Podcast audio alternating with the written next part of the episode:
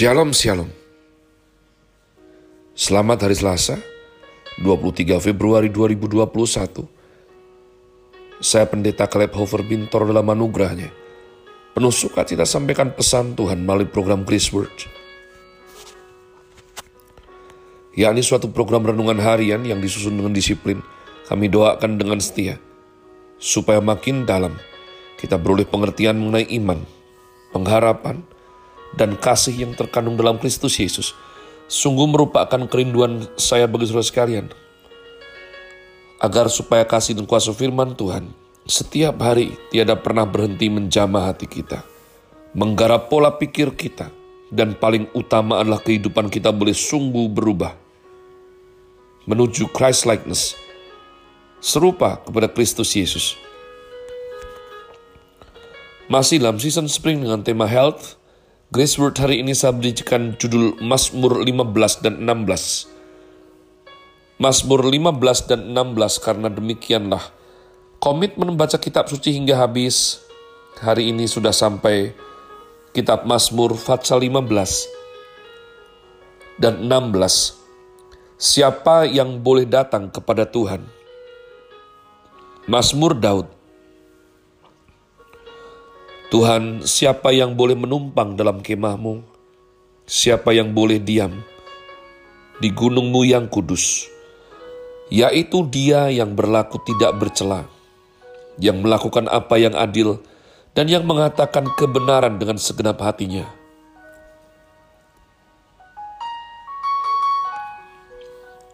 Yang tidak menyebarkan fitnah dengan lidahnya, yang tidak berbuat jahat terhadap temannya, dan yang tidak menimpakan celah kepada tetangganya, yang memandang hina orang yang tersingkir, tetapi memuliakan orang yang takut akan Tuhan, yang berpegang pada sumpah walaupun rugi, yang tidak meminjamkan uangnya dengan makan riba, dan tidak menerima suap melawan orang yang tak bersalah Siapa yang berlaku demikian tidak akan goyah selama-lamanya. Fatsal 16, bahagia orang saleh, Miktam dari Daud. Jagalah aku, ya Allah, sebab padamu aku berlindung. Aku berkata kepada Tuhan, Engkaulah Tuhanku tidak ada yang baik bagiku selain engkau. Orang-orang kudus yang ada di tanah ini, merekalah orang mulia yang selalu menjadi kesukaanku. Bertambah besar kesedihan orang-orang yang mengikuti Allah lain. Aku tidak akan ikut mempersembahkan korban curahan mereka yang dari darah. Juga tidak akan menyebut-nyebut nama mereka di bibirku Ya Tuhan, Engkaulah bagian warisanku dan pialaku. Engkau sendirilah yang meneguhkan bagian yang diundikan kepadaku. Tali pengukur jatuh bagiku di tempat-tempat yang permai. Ya, milik pusakaku menyenangkan hatiku. Aku memuji Tuhan yang telah memberi nasihat kepadaku. Ya, pada waktu malam, hati nuraniku mengajari aku. Aku senantiasa memandang kepada Tuhan, karena ia berdiri di sebelah kananku, aku tidak goyah. Sebab itu hatiku bersuka cita dan jiwaku bersorak-sorak. Bahkan tubuhku akan diam dengan tenteram. Sebab engkau tidak menyerahkan aku ke dalam dunia orang mati, dan tidak membiarkan orang kudusmu melihat kebinasaan. Engkau memberitahukan kepadaku jalan kehidupan di hadapanmu ada sukacita berlimpah-limpah. Di tangan kananmu ada nikmat senantiasa. Umat Tuhan banyak orang merindukan, mengutip, mengkotbahkan, mengajarkan mengenai kehidupan Raja Daud. Mazmurnya, pergumulannya. Sesungguhnya dengan kesederhanaan pola pikir dan ketulusan untuk sungguh mencari wajah Tuhan, maka rahasia-rahasia atau mutiara kehidupan yang membuat hidup kita tidak tergoyahkan, hidup kita diberkati, dan menggenapi rencana Tuhan itu tidaklah sulit umat Tuhan. Namun terkadang di tengah kacaunya hawa nafsu, sombongnya, dan kerasnya ego seorang manusia, justru apa yang tampak mudah menjadi sulit dan berbelit-belit. Mazmur Daud, Fatsal yang ke-15, berbicara mengenai siapa yang boleh datang kepada Tuhan. Kenapa ini penting? Karena harus berangkat dari suatu pola pikir. Kalau hidupmu baik, tidak mungkin tanpa engkau bersama Tuhan. Kau ingin hidupmu baik, tidak mungkin tanpa kedekatan dengan Tuhan. Kalau kamu ingin hidupmu baik, tidak mungkin kalau engkau tidak berpusat kepada unsur yang mengandalkan Tuhan maka datang kepada Tuhan itu adalah sesuatu yang harus kamu perjuangkan. Sesuatu yang harus kamu cari, sesuatu yang harus berusaha kau penuhi kuotanya dalam artian demikian. Ya. Dalam waktu kita berangkat berdoa, jangan sampai kita berdoa dengan suatu semangat didengarkan ya syukur, tidak ya sudah.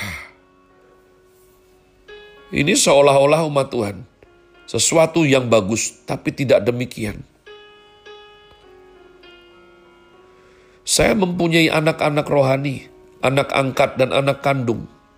Terkadang saya dan istri saya membeli misalnya ham, bacon, atau ice cream umat Tuhan, di mana mereka sangat menginginkannya dan kami akan berkata, jika engkau mau menginginkannya, maka berhentilah bermain di luar, segera mandi, ganti baju bersih, sudah. Jangan main yang kotor lagi, ya. Jangan berkeringat-keringat lagi, jangan teriak-teriak lagi. Duduk, maka kamu boleh makan es krim.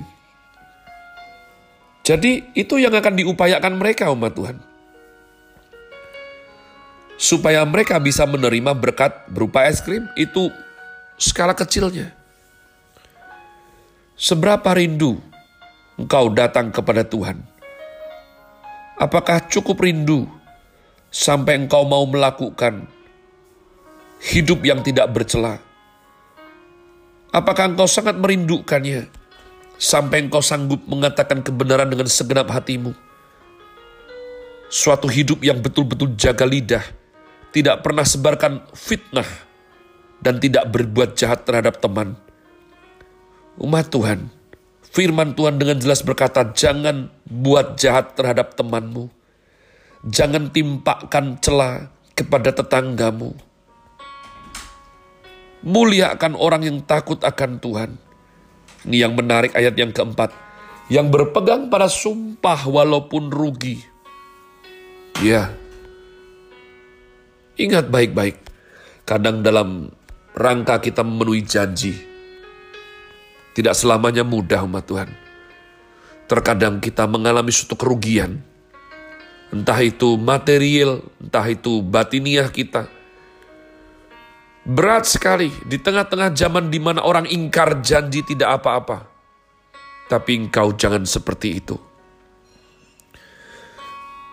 Dan bahkan Mazmur Daud mengajar, mengajarkan meminjamkan uangnya ya dengan makan riba, tidak meminjamkan uang dengan makan riba, tidak menerima suap melawan orang yang tak bersalah.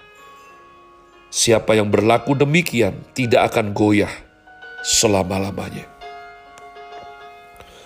Fatsal 16 berbicara mengenai bahagia orang yang saleh. Hanya orang datang kepada Tuhan, berpaut padanya, Fatsal 16 ini ditutup dengan berkat yang indah sekali umat Tuhan. Ya. Berkat apa? 11. Memberitahukan kepadaku jalan kehidupan. Hadapanmu ada sukacita berlimpah, nikmat senantiasa. Ini suatu posisi di bumi namun seperti di sorga umat Tuhan. Masih hidup di bumi tapi mengalami sukacita sorga. Bahkan mengalami keselamatan. Sebab percaya Tuhan tidak membiarkan orang kudusnya melihat kebinasaan. Tubuh diam dengan tentram, sehat, hati bersuka cita, jiwa bersorak-sorak. Suatu kehidupan yang tidak goyah, karena senantiasa memandang kepada Tuhan, ayat yang ke-8. Saya rindu memberikan highlight umat Tuhan dengan ayat yang ketujuh. Fatsal 16.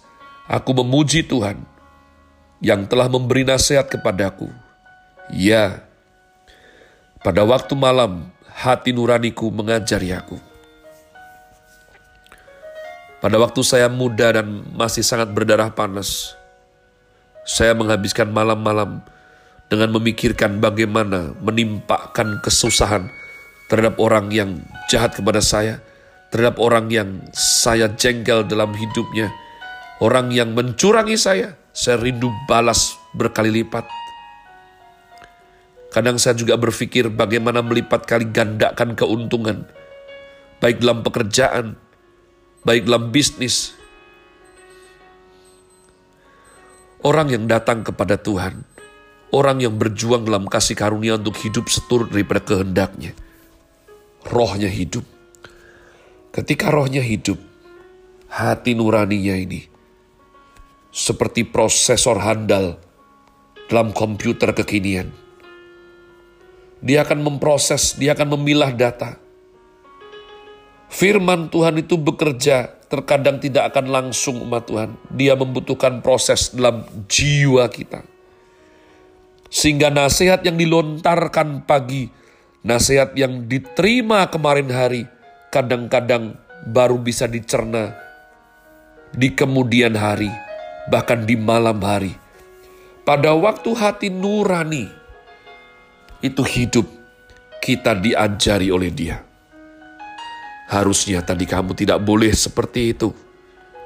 Harusnya kamu jangan melanggar garis itu. Tuhan tidak suka.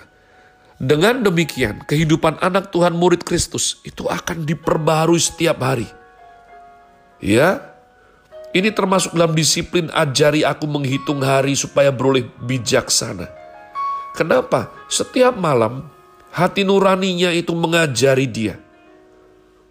Kalau ini terjadi setiap malam, berarti bangun pagi makin bijak. Bangun pagi makin bijak.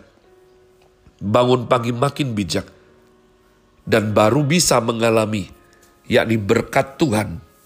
8, 9, 10, 11. Tidak goyah, hati bersuka cita, jiwa bersorak-sorai, tubuh diam dengan tentram, mengalami keselamatan dari Tuhan, dan sukacita berlimpah, hidup yang menikmati anugerah Bapa. Have a nice day. Tuhan Yesus memberkati saudara sekalian. Sola. Grazie.